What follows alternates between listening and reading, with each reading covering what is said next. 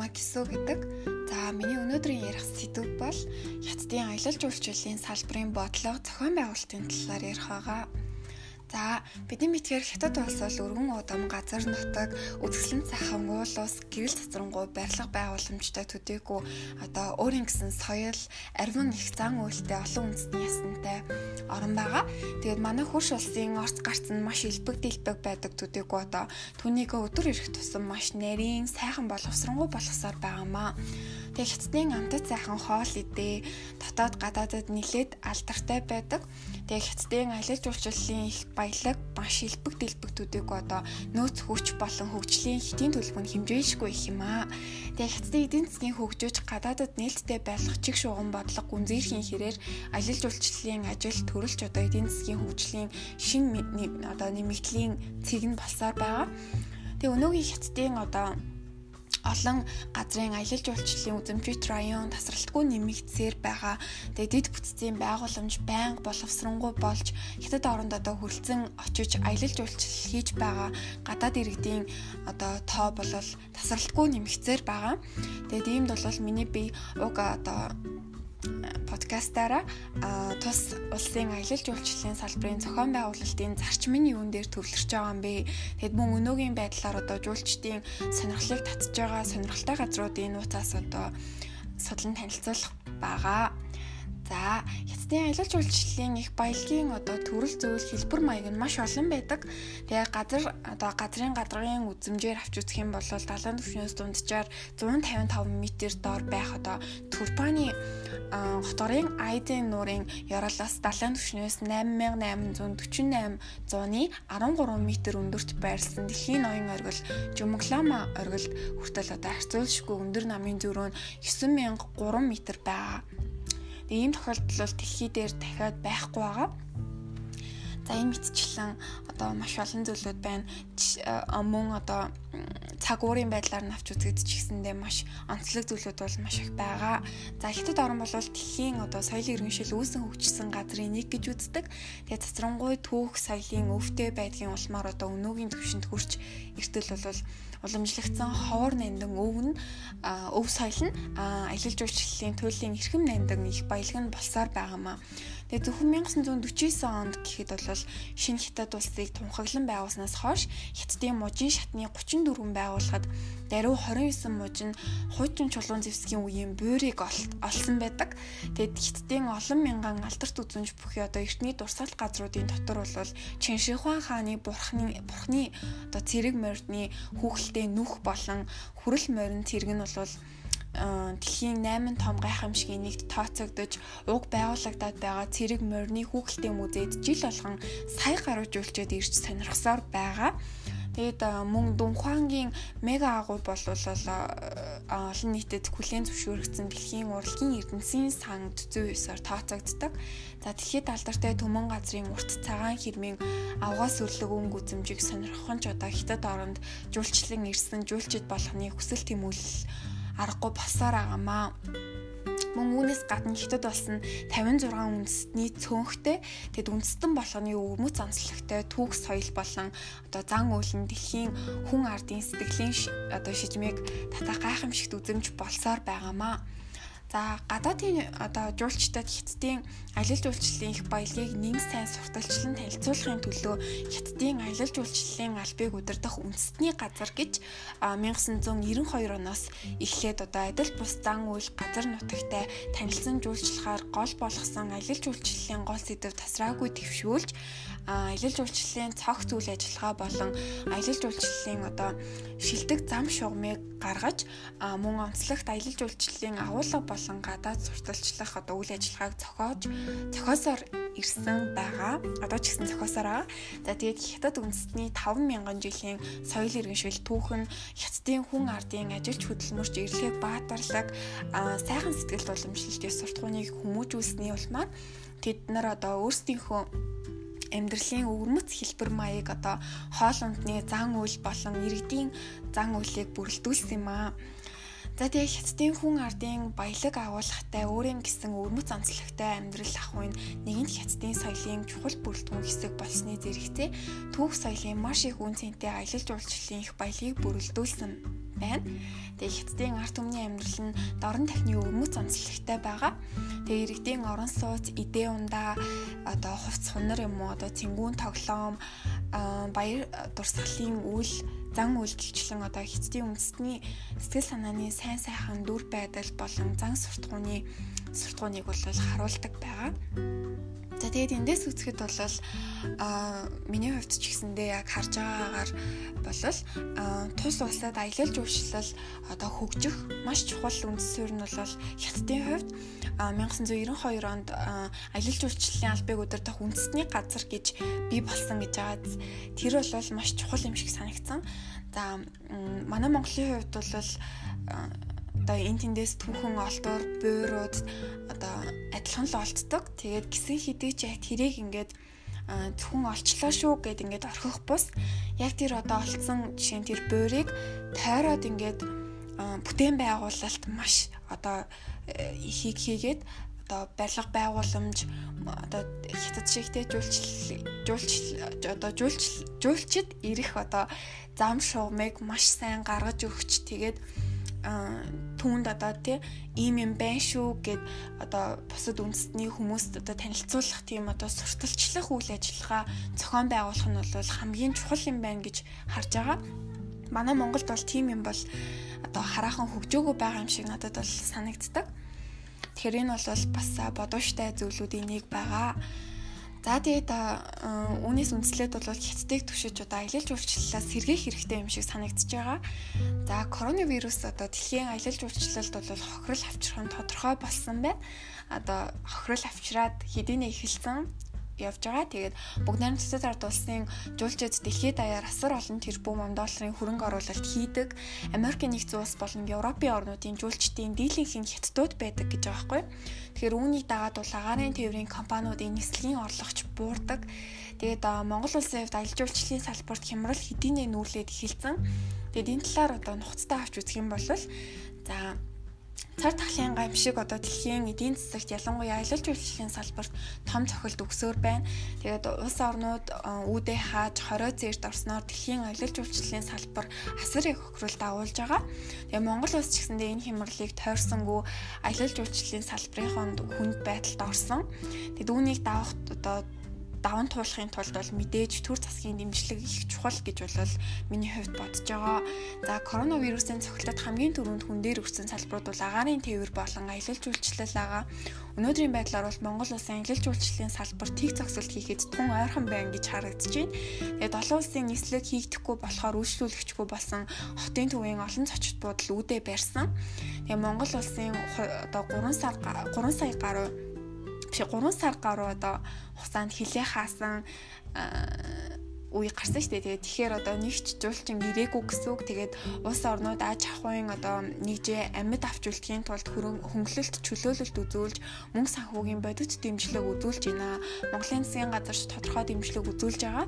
Тэгээд тухайлбал бол аж ахуйн нэгж байгууллагууд эдийн засгийн эрсдлийг бууруулахын тулд зарим нэг компанид татварын хөнгөлөлт үзүүлэх ажилтнуудад нь улсаас тэтгэмж олгох зэрэг одоо олон бодлогуудыг хэрэгжүүлж байна. Тэгээд төрөө одоо төрийн зүгээс бодлого шийдвэр гаргахад бол худалдаа аж үйлдвэрийн танхимын баггүй хувь нэмэр оруулсан байх гэж харж байгаа. Нарийн судалгааг хийхгүй бол аялал жуулчлалын салбарт хэрэгтэй байгаа зүйлийг тодорхойлж гаргах гаргаж одоо болохгүй байгаа зүйлийг олж мэдэх болох зүйлээ төлөвлөхөд одоо хэцүү байна. Тэгээд судалгаанд судалгаа шинжилгээ хийж зорилгод хүрэх арга замуудыг тодорхойлоогүйгээс одоо юу хийж хаана хүрэх гээд байгаа нь тодорхойгүй өдийг хүрсэн юм шиг харагдаж байгаа.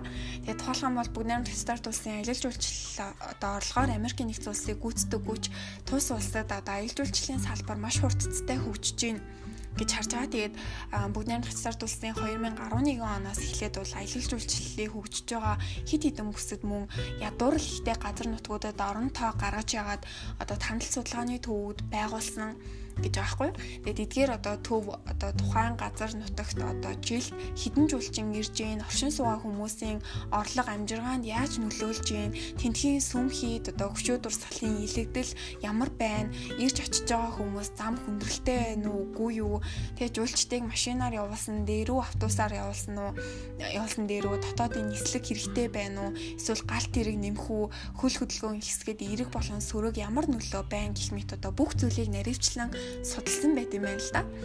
Тэгээ судалгаа хийхэд ийм дүн гарлаа, ийм үзүүлэлт тийм хугацаанд ингэж буурлаа, тэгж өслөө, эрэх сүрэг нөлөө нь ийм гих зэргээр шинжилээд гарцыг тодорхойлоод засгийн газартаа оруулахад цаг алдалгүй бодлого боловсруулан одоо улмаар хэрэгцээтэй төсөв хөрөнгийг хүртэл одоо шууд гаргаж өгдөг байгаа. За Жанзижи гэх одоо Тэнгэрийн хаалга буюу Аватар киноны зургийг авсан одоо гих тэр газарт бол аюул жуулчлал ердөө 3 4 жил тасар хурдцтай хөгжсөн байдаг. Тэгээ тийшээ Бээжингийн орны одоо нутгийн хурдны галт эргээр 12-оос 14 цаг явж очдог байсныг Бээжингээс онгоц нисгдэг болгосноор жуулчдын тоо эрс өссөн гих үзүүлэлт байдгийм байна.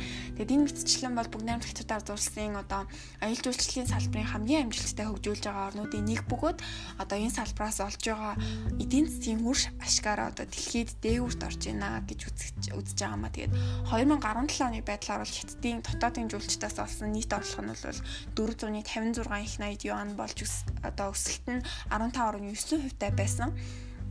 Тэгээ бүгд 8 хятадд улсын ирж байгаа жуулчдын тоо бол 1000 одоо 139 148 саяд хүрч 0.8%-аар нэмэгдсэн. Тэгээ тэр дундаа гадаадын жуулчдын тоо нь бол 2917 сая болоод 3.6%-аар өссөн одоо гих одоо үзүүлэлт байдаг. Тэгээд нийт жуулчдын хувьд бол Хонконг, Макао, Тайваны жуулчид тэргүүлсэн хിവэр бөгөөд одоо тэдгээрээс 110.1 3 сая хүн ирсэн нь 2016 оныхтай харьцуулахад бол ижил түвшинд байна гэж байгаа. Тэгээд энэ хүү хятад улсын одоо аялал жуулчлалын онцлог бүхий газраас одоо өөрийн мэдих хоёр газрын талаар дэлгэрэнгүй товчхон танилцуулъя. За нэгдүгээр нь бол Чиншихуаны хааны мөнхийн айрам гэж байгаа. Энэ бол маш одоо сонирхолтой санагц учраас би оруулсан байгаа. За ихтгэлийн ихэнд дурталж одоо дуртч дурдсанчлан алдарт Чиншихуан хааны мөнхийн айрмын талаар одоо ярих юм бол хятад улсыг зорьсон хийх жуулчид Бээжин хотод очихоос илүүтэйгээр Шанши мужийн Шиан хотыг зорддог байгаа. Тэгээ дунджаар жилт гэхэд бол 1 сая гаруй гадны жуулчид уг хотыг зорин ирдэм байна. Тэгээд харин дотоод дотоодын бол 140 гаруй сая жуулчин жилдээ ирдэг гэсэн тоо баримт байт юм байлээ. Тэгээд энэ хотын газар нутгийн байршил уур амьсгалын байдал нь харахгүй л одоо аялал жавхад тохирсон гэмээр өглөөдөө өтгөн манан татаад өдөртөө чиглэг урин салхи одоо сэрчигндэг гэж байгаа байхгүй. Тэгээд анхаа одоо 1974 онд нэгэн тариачин үгэн худаг гаргахаар нүг ухчихтэл газар доороос шавар хүн гарч ирсэн байт юм билээ. Тэгээд ус биш шавар хөшөө гарсанд одоо нутгийн иргэд муугийн хорлол хэмээн үтсэн байна. Тэгээд ус ус гарахгүй байх нь ч аргагүй юм л та. Учир нь бол тухайн нутагт 2200 гаруй жилийн өмнө байгуулсан энэ шавар армийг газар доор удаан хугацаанд гимтээлгүй хуурайгаар нь хадгалах зорилгоор ус зайлуулах систем байгуулсан юм байлээ. Тэгээд уг системчлэл нь бол манай эртний өмнөх 200-аад онд онд ч одоо шинжлэх ухааны нарийн технологи хэрэгжилжсэнийг илтгэх илтгэх одоо чухал тууралсан.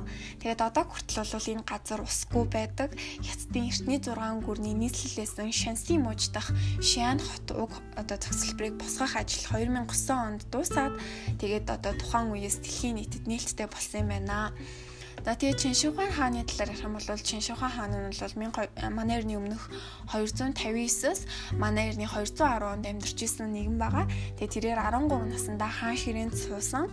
Тэгээ тэрээр хаан ширээнд сууснаар жилийн дараа буюу 14 наснда өөрийгөө нөгөө ертөнцид мөнхөд хамгаалуулах зорилгоор цэргийн сүр хүч хүчт одоо армийг шавраар байгуулж эхэлсэн.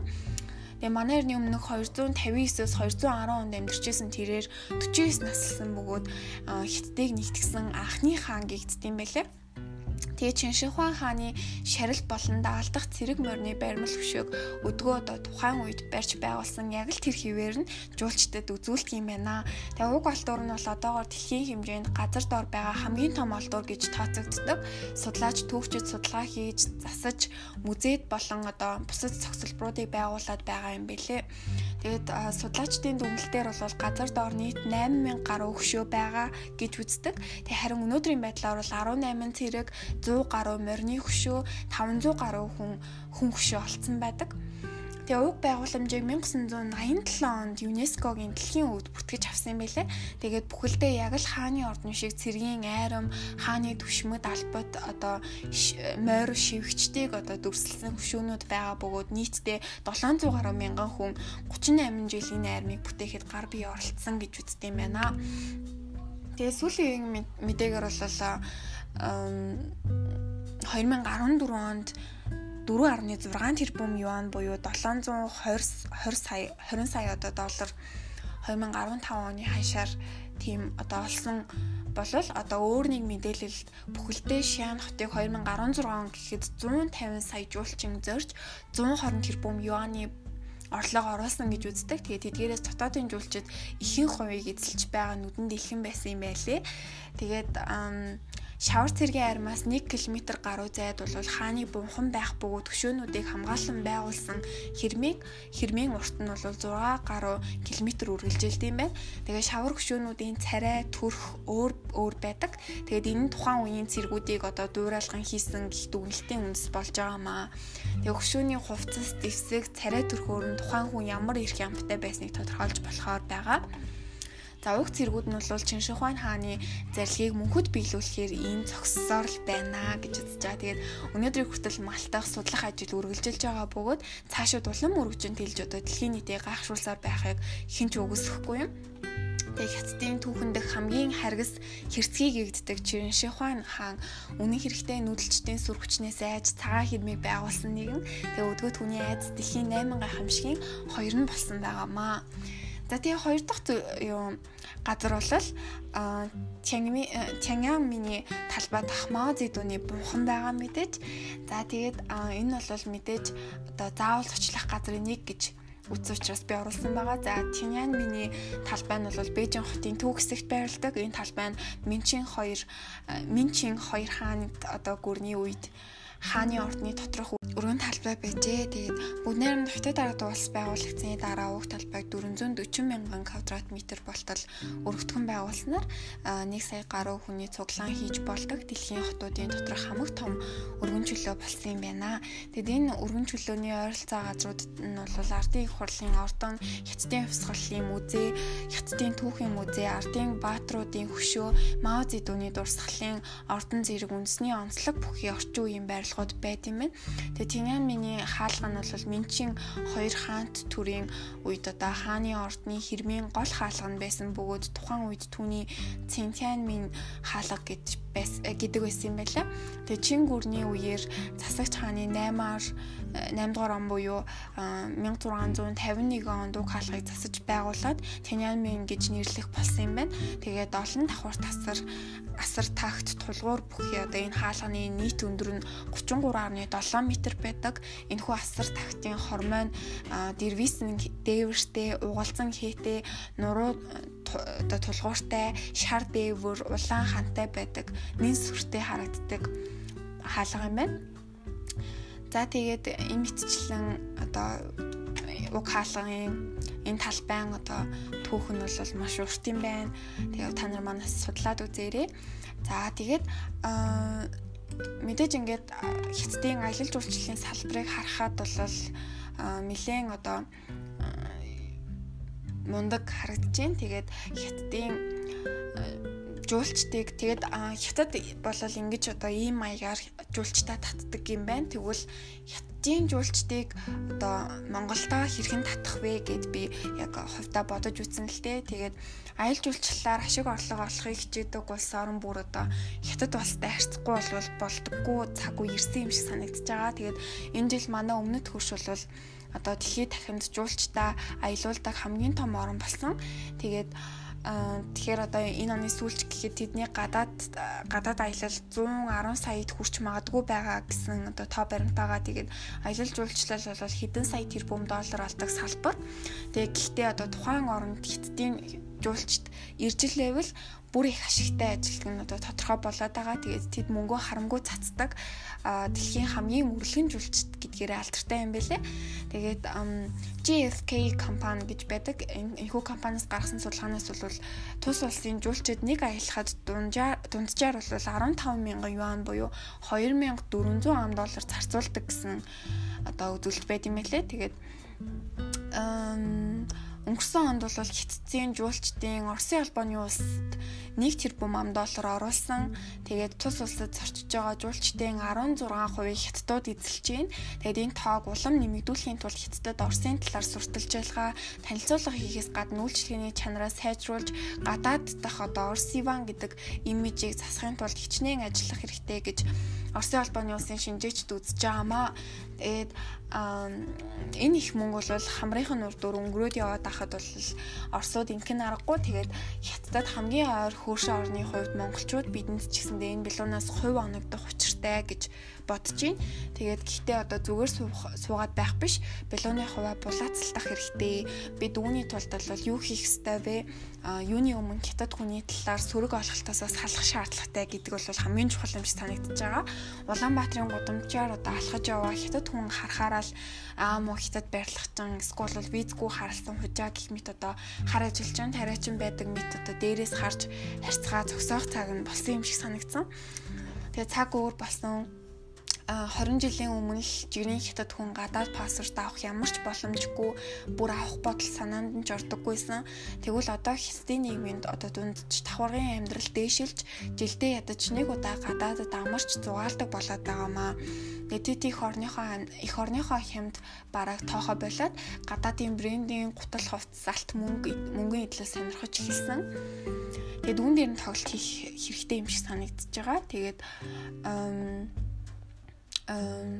тэгээд барууны орнууд гээд одоо манай Монгол Монголыг харах юм бол гадны жуулчд гингуутл одоо Европ барууны орнуудын жуулчдыг л одоо тий устдаа татах одоо тийм бодлогыг айгу бодоод идэг.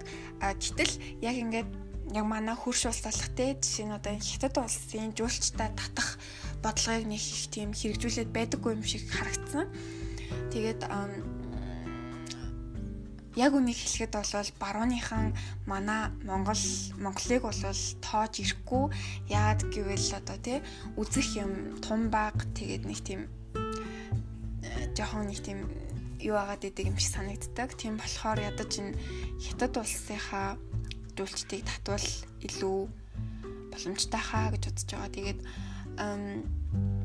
Дэлхийн аялал жуулчлалын байгууллагын судалгаагаар бол хятадын жуулчид очсон орныхоо түүх соёлын дурсгалт газраар аялж үндэсний хоолыг идэх өвөрмөц сонирхолтой оронд хурим төрсөн өдрийн яслал хийх дуртай болсноос гадна одоо тэтгэврийн насныхан бол гадаадд аялах хандлага нь эрс нэмэгдэж байгааг тогтоосон байгаа.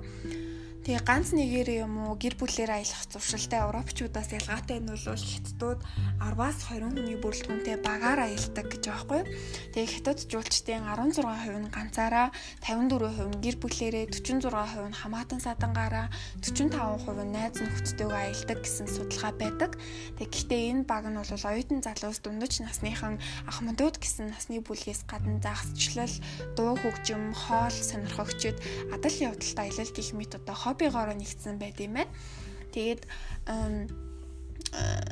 эндээс харах юм бол ер нь бол Европын одоо ганц нэгээр аялдаг жуулчдыг татхаас илүүтэйгээр жуулчдыг одоо татах юм бол ганц нэгээр ирэхгүй дор хаяж 10-аас 20 хүний бүрэлдэхүүнтэй одоо ирэх боломжтой гэж харагдаж байгаа нь бол хэлэх юм байна. Тэгээд миний бодлоор бол хятадууд те өрмөц сонирхолтой тийм хүний мэдгүй газар хурим төрсөн өдөр яслаа хийх туртай гэдгээс нь харах юм бол миний одоо бодлоор жишээ нь те их юан гүрний нийслэл хар хором дах хурим гэдэг ч юм уу. Эсвэл Улаанбаатарын элит үдшиг гэх мэт одоо тийм маршрут гаргаж одоо болмоор санагдаад байгаа байхгүй. Тэгээд улс орноос бол аялал жуулчлалын үндэсний хөтөлбөр боловсруулад аялал жуулчлалын газруудыг сүлжээнд оруулад тэгээд үйл ажиллагааг нь уялдуулан холбох хэрэгтэй юм шиг санагдаж байгаа. Тэгээд ингэснээр бол зар сурталчилгааны ажлын зардал мөнгө хэмнэгдээд одоо аль компани нь ямар чиглэлийн аялал жуулчлалын хүлээж авахаа тохиролцдог хэлбэрт орж болохоор юм шиг санагдсан. За тэгээд хятад жуулчд яагаад манай орныг алгасаад дээгүүр нисээд Оросд очиод байгаа юм бэ?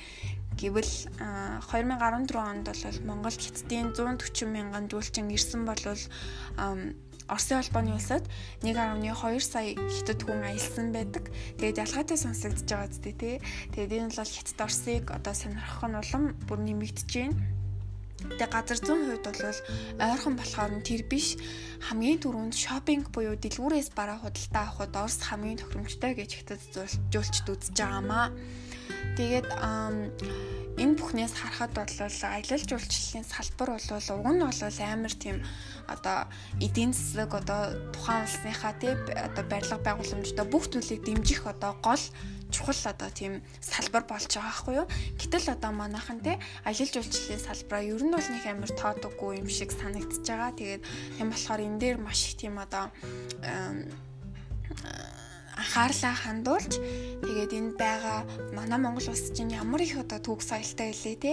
Тэр болгоныгоо ингээд маш гоё хөгжүүлээд тэр байгаа одоо олдуур тэр бүх зүйлээ те тойруулаад ингээд маш гоё бүтээн байгуулалт байгуулалт хийхдээ тэр одоо мөнгөө зарцуулаад тэгээд бүтээн байгуулалт хийгээд тэгээд зар сурталчилгаа тэр одоо гадны орныг татах те ядаж л тэг хөрш улсынхаа одоо арт өмнө ингээд өөрсдөө татах тийм одоо сурталчилгааг хийгээд хулга гэх юм одоо тийм зүйлүүдийг маш сайн одоо хийгээд тэгээд улсдаа мөнгө оруулж ирэх хөрөнгө оруулж ирэх эдийн засгаа дэмжих маш том одоо тийм боломж байна. Тийм учраас одоо хятадтай тийм одоо аялал жуулчлалын тийм одоо юу үсгийн тулд миний бодлоор хятад хэлтэй хятадын одоо талаар мэдлэгтэй тий хятад хүмүүстэй харьцах тийм одоо оюутан залуус тийм одоо боловсны хүчин маш хэрэгтэй байгаа юм уу гэж харж байгаа. Тэгээд тэр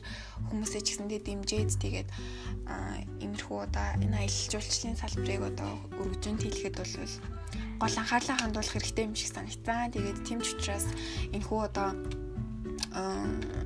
ихтгэлийн ихтгэлийг бэлтгэх одоо надад маш сонирхолтой байлаа. Тэгээд энэ хүмүүний бие бол бүгд найрамд хэцүү ард улсын аялал жуулчлалын салбарын бодлого зохион байгуулалт болоод одоо өөрийн зүгээс заавал аялаасаа хэмээн санал болгосон хоёр жуулчлалын газруудыг болон хятад одоо Монгол улсын аялал жуулчлалын салбарын талаар өөрийн үзлээ авч одоо танилцууллаа. Тэгээд өнөөгийн хятад улс бол яах аргагүй дэлхийн олон олон улс үндэснүүдийн өөртөө татах зарим их түүх соёлтой арт түмэн юм байна. Тэгээд тиймээс ч одоо түүнийгээ дагаад улс тус улсын одоо эдийн засаг барилга байгууламж цаашлаад улс төрч ч гэсэндээ их нөлөө үзүүлж байгаа нь бол тодхон харагдаж байна. Тэгээд манай улсын хувьд ч гэсэндээ дутах зүйлгүй ариун түүхтэй орон. Тэгээд иймд хөрш орноосоо суралцсан байгаа эд баялагын одоо өлгий болсон зүйлсээ сэргээн засварлаж их орондоо жуулчид татаж чадах юм бол бид ч гэсэндээ хятад улс шиг болох боломж бий гэж бүрэн байгаа гэж бодож байгаа. За тэгээд миний яриг сонсон маш их баярлалаа. Дараа уулзъя баяртай.